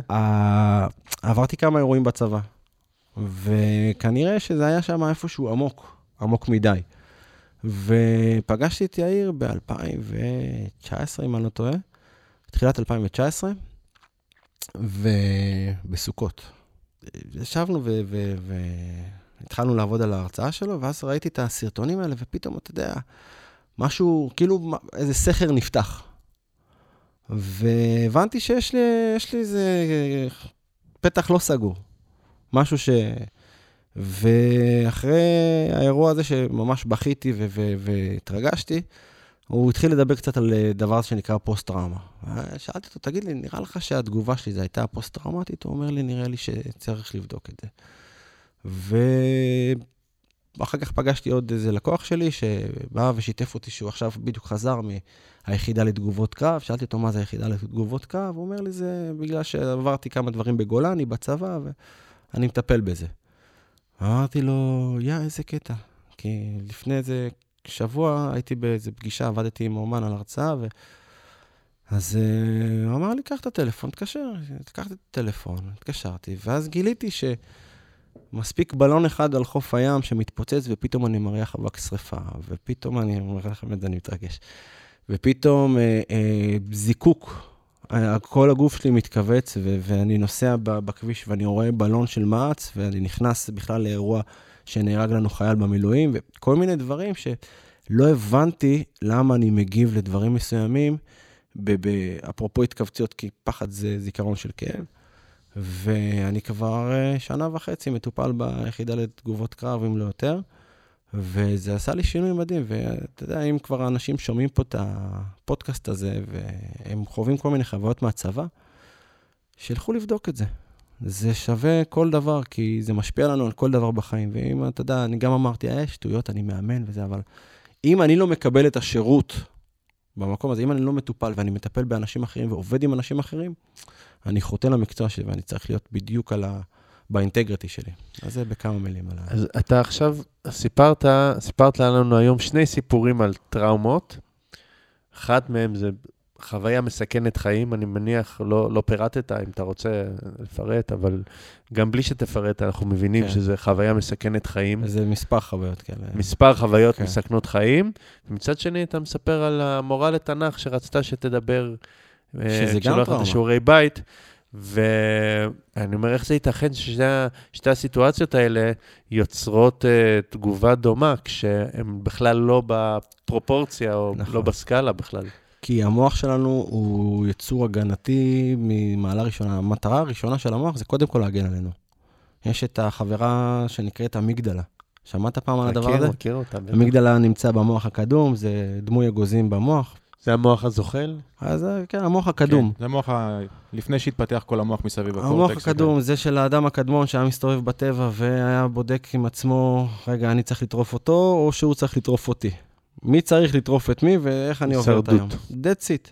היום תחשוב כמה קבלת החלטות יש לנו. להנמיך, להגביה, להוריד את התקרה, להוריד את...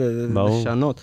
אנחנו כל הזמן צריכים לקבל החלטות. כמות המסרים שאנחנו מקבלים פר יום, אה, ושינויי קורונה והגדרות, אנשים נמצאים בחרדה מטורפת. למה? מוצפים לגמרי. יש להם חוסר ביטחון. עכשיו, האמיגדלה, ברגע שהיא מזהה משהו שהוא מערער לנו את הביטחון, יכול להיות שהוא יפגע בנו, גם אם הוא מתפרש כ... ברמה התקשורתית. מישהו אמר לי משהו, הבהיל אותי. הדבר הראשון שהאמיגדלה עושה, היא משתלטת על כל מערכת הלימבית, מערכת הרגשות, סכנה, סכנה, סכנה. טיט, מכבה לך את כל האורות, ומפעילה את המנגנון של או flight, או fight, או freeze. כן. עכשיו, אם אני ב fight, ומה קרה לך שם בכיתה ז' או מתי שזה לא היה? בכיתה ז' זה חד משמעית אה, freeze. קפאתי, התייבשתי. אה, בצבא, בדרך, היו כמה מקרים, מקרה אחד, אה, האוטומט שלי זה קפא, ושאר המקרים, פשוט מצאתי את עצמי קופץ פנימה. רץ ראשון, ו... fight. מה זה fight מטורף? אבל אחרי, ש... סלח לי שאני אומר, אבל כן. נגיד אחרי שאתה עובר חוויות כאלה בצבא, אז מה זה לדבר מול קהל? קטן עליך, כאילו, מה, מה אז- יש שם? אז אה, כן, אז אה, עד שהבנתי שחלק מכל הפחדים שלי והטראומות שלי אה, התנקזו לדבר המדהים הזה שנקרא דיבור מול קהל, יצרתי לעצמי סוג של קבוצת טיפול שנקראת ללמד אחרים לדבר מול אה קהל. גם יש, אתה מזדהה עם, ה... עם הפחד הזה לדבר מול קהל? כי אתה נראה לא. הכי, אתה, אין לי פחד קהל בכלל. אתה עם ביטחון מוחלט. עם מול קהל, כן, אני לא יודע איפה, איפה, איפה זה קרה, אני כן, אם אני אחקור, אני כן אדע, אני מניח שפשוט הופעתי המון אה, ב, ב, בצעירותי, שהופעתי עם, ה- עם, אתה יודע, עם להקות ועם תזמורות וזה, פשוט הייתי עסוק, אפרופו משימתי, הייתי עסוק בלזכור בדיוק מה אני צריך לנגן, וכל מה שקרה בקהל לא היה מעניין. מתי פחד הקהל צץ פעם ראשונה, שהייתי בלי כלי ביד, שהייתי צריך לשיר. שם גיליתי את הפחד קהל פעם ראשונה, והתמודדתי איתו, אמרתי, אוקיי, שנייה, אני מכיר את זה. אני אתמודד עם זה, אני אסתדר. יהיה חושך בקהל, אני אסתדר, לא רואה את האנשים, יופי. לאט לאט מצאתי לעצמי כל מיני שיטות, משימתי, מוצא כן. משימות. אני מוצא, מצאתי כל מיני שיטות להת, להתמודד ו- ו- ולנטרל את הפחד קהל, והתאמנתי בזה המון, אז פחד קהל לא נמצא אצלי. אה, וגם הופעתי, אני ומיטל הופענו לפני, אה, כמה זמן זה? יותר מ-10 שנים, 13-12 שנה, הופענו עם נוב, עם הלהקה שלנו, במועדונים, והיו לנו, אה, זה היה אימון מעולה בשבילנו לפחד קהל, כי היו לנו הופעות מול שני אנשים, ליטרלי, ממש, הופעה שהגיעו שניים, על גג בירושלים, והיו לנו הופעות מול 150 איש, 150 אלף איש, סליחה, 150 אלף אלף איש, איש? בברצלונה. איצטדיון. בברצלונה, כל הכיכר של העירייה, בפסטיבל הגאווה בברצלונה, שטיח של אנשים שאתה לא רואה את הסוף שלו, מטורף, מטורף, ודווקא שמה אה, הכי קל להופיע. כן. כשאתה רואה שטיח של אנשים, זה פחות מפחיד מלהופיע מול שניים. נכון. אה, אז, אז שמה אה, אה, לחלוטין התגברתי על פחד הקהל שלי, וזה לא אז נמצא למה- בכלל. למה באת לאוהדים ככה? באתי לראות כי רציתי את הטכניקה ואת ה... את ה, את ה יש, יש פשוט, אה, כמו שהוא אמר, יש לך את הפתיחה הזאת עם השאלות, יש, יש כל מיני שלבים שמחברים יש אותך עם. הקהל. רצית כלים טכניים. רציתי כלים בשביל להרצות, כמו, שההרצאה תעבור כמו שצריך, שהערך שאני נותן יעבור כמו שצריך, שזה, שיבינו מה אני אומר, כי יש לי נטייה אה, לדבר בצורה כזאת שלא מבינים מה אני אומר. להסביר, ולהסביר. באמת? כן, כן, זה זה קורה לי. מאוד מובן. למדתי לה, להסביר את עצמי כמו שצריך. זה משהו שעבדתי עליו המון. לפעמים זה קורה שאני מסביר ולא קולטים מה אני אומר. לא קולטים אותי עד הסוף, או את, בדיוק את מה שרציתי להגיד. אני אומר לך משהו ולא הבנת אותי נכון. זה קורה לי. לא אוקיי. משנה. אז באתי לשם, אני ומיטל באנו בשביל לקבל את הכלים האלה, לעשות את הפלואו הנכון, את הרצף הנכון של ההרצאה, לא להתפזר, לא לדבר יותר מדי על זה, פחות מדי על זה. אה, כן אה, ליצור איזשהו רצף ואיזשהו שוויון ביני לבין מיטל, כי אנחנו שני סגנונות תקשורת אה, שונים, אז זה נחמד שאנחנו, אתה יודע, מג'נגלים בין אחד לשני. כן. האינטראקציה בינינו, כל מיני בדיחות קטנות, הדברים האלה פשוט עשו את זה, וואו, עשו את זה מדויק. זה הפך את ההרצאה ממפוזרת למדויקת, וזה ההבדל הגדול. אתה אומר, אתה כבר היית טוב ורצית להיות יותר טוב. לא, לא היה לי מושג איך להרצות. לא היה לי מושג, בחיים לא הרציתי. הייתי צריך מישהו שיאמן אותי לזה.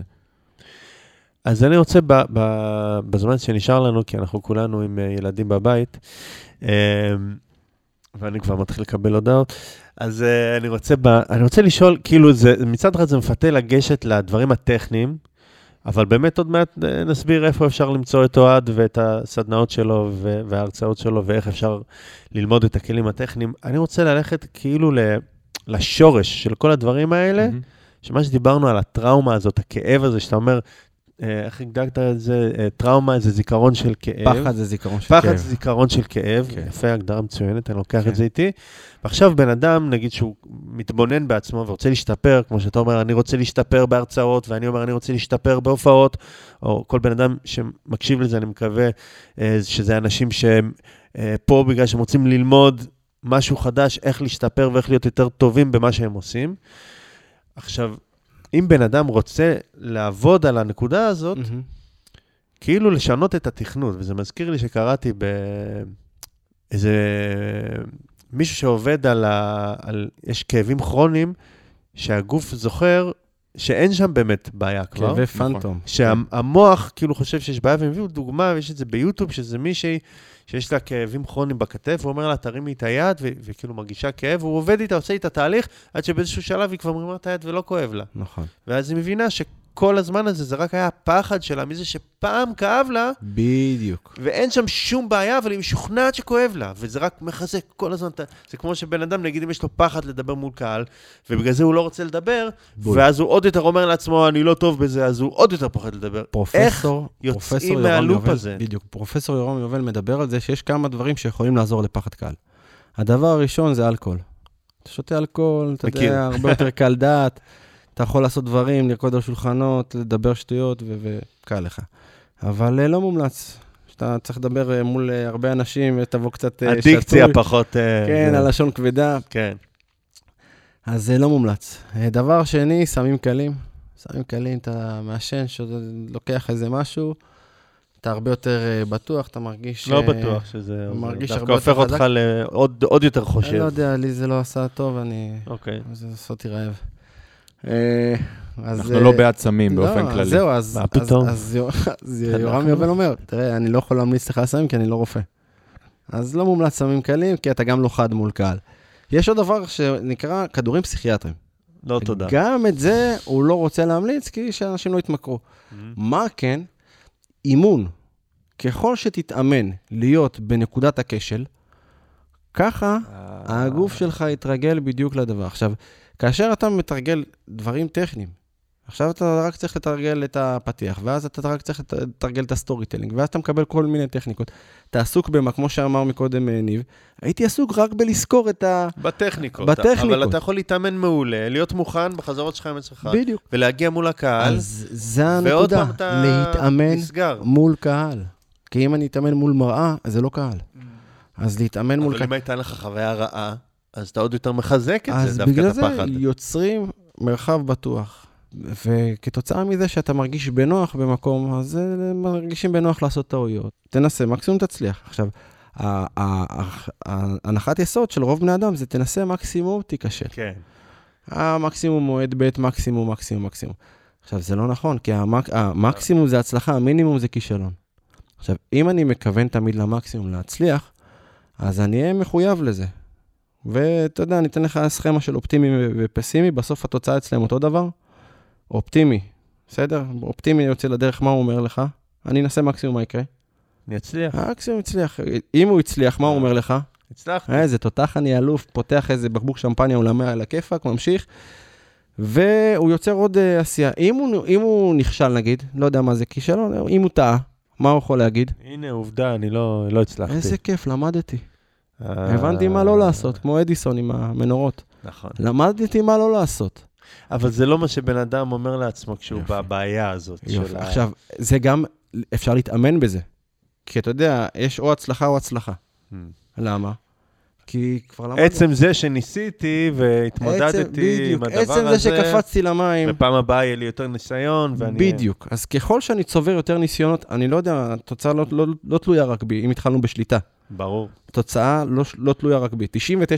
99.9 מהתוצאות לא תלויות רק בי. נכון. בסדר? יכולת עכשיו להוריד את התקרה, וחלילה וחס, משהו שם לא מחובר עד הסוף. לא, היינו מחובר, פיתה. בדקנו את זה לפני, אל יופי. תדאג. יאללה, איזה כיף. אוהד, לפני שאנחנו מסיימים, ואני מוקיר אותך, כמה מילים על חזון, ביקשת שנזכיר לך. אה, טוב, אני רק רוצה במשפט לסיים את הפסימי, כי דיברנו אה, על אוקיי. האופטימי. אז הפסימי יצא לדרך ויגיד, אני, אני אנסה, אבל אתה תראה שזה לא יצליח. ואז אה, הוא חייב, מה לעשות? מה? הוא חייב להצדיק את עצמו.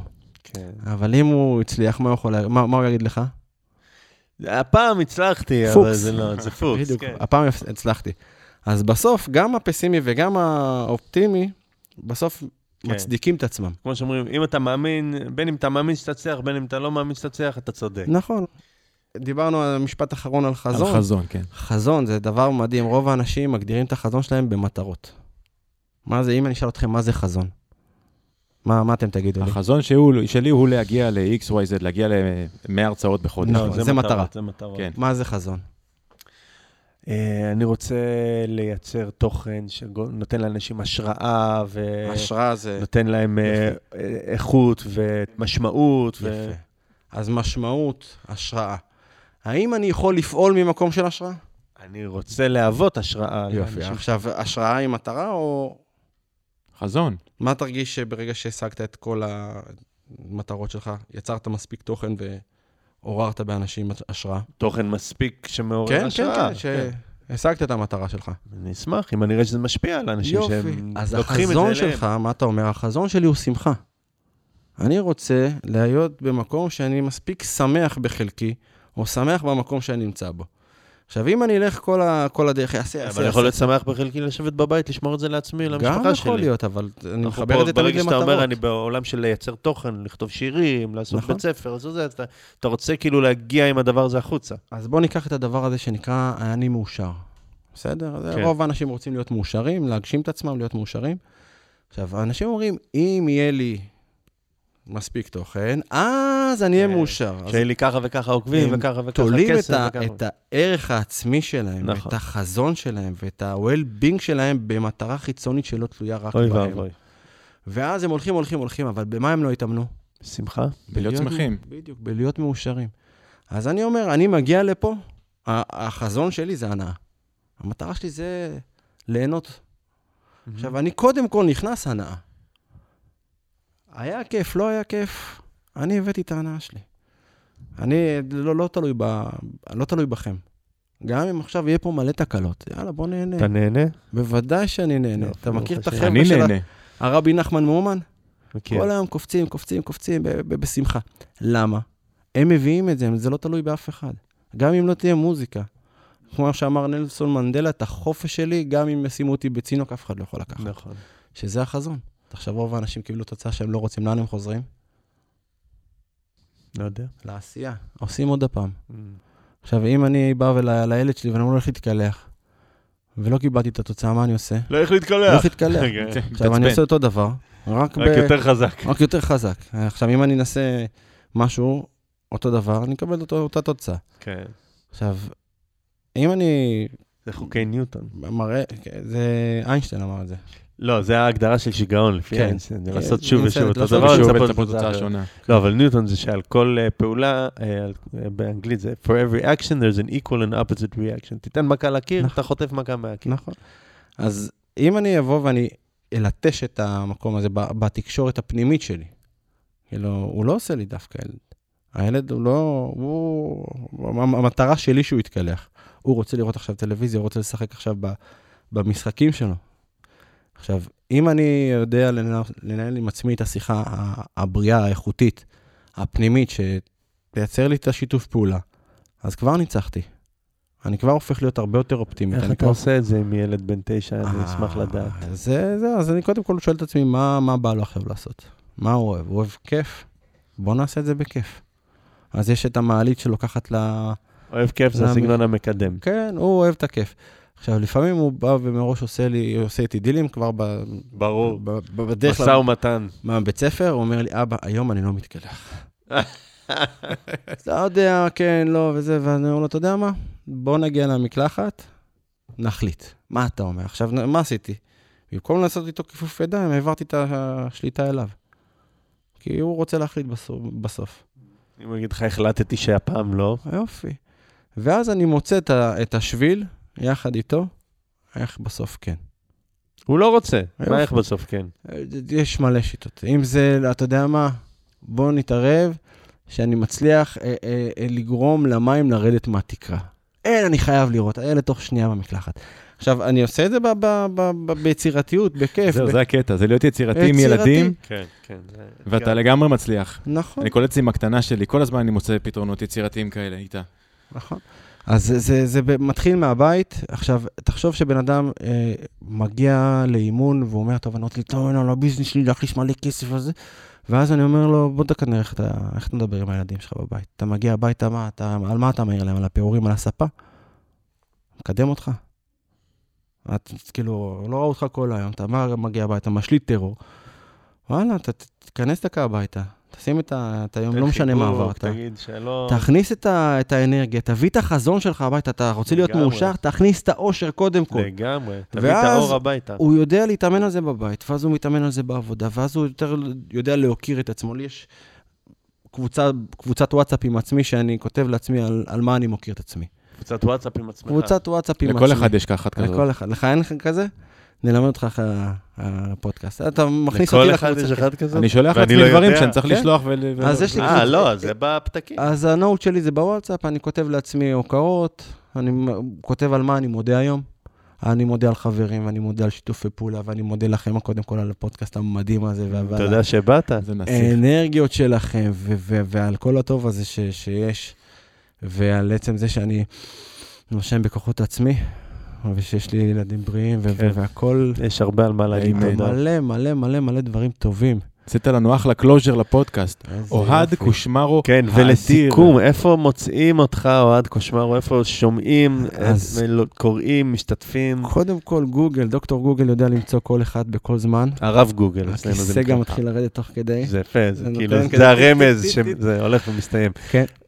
אז אה, גוגל אוהד קושמרו, אם אפשר גם ב- בפייסבוק, הכיסא. פייסבוק אני ואינסטגרם. מרגיש כמו השר הטורקי. כן. פייסבוק, אה, אינסטגרם, טינדר, הכל, כאילו, כל- הרשתות, הכל תופס.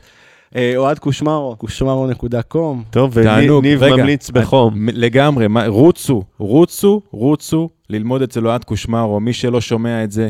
אוהד, אני רוצה להגיד לך תודה רבה שבאת, תודה רבה שנתת לנו כל כך הרבה ערך לחיים שלנו, לי באופן אישי, אני בטוח שגם לגדי ולמי ששומע. Uh, תודה לך על מי שאתה, תודה ליקום שהפגיש בינינו, ורק תמשיך להפיץ את הטוב הזה בעולם. Uh, מי ששומע אותנו, אתם מוזמנים uh, גם uh, לתת לנו הערות, מחמאות, קטילות, מה שבא לכם, נכון. וגם... מה uh, רציתם לשמוע שלא שאלנו? ואת מי אתם רוצים שנביא ועוד לא הבאנו. נכון. Uh, אנחנו היינו אומץ, גדי פיינגולד, וניב כהן. תודה רבה. אה,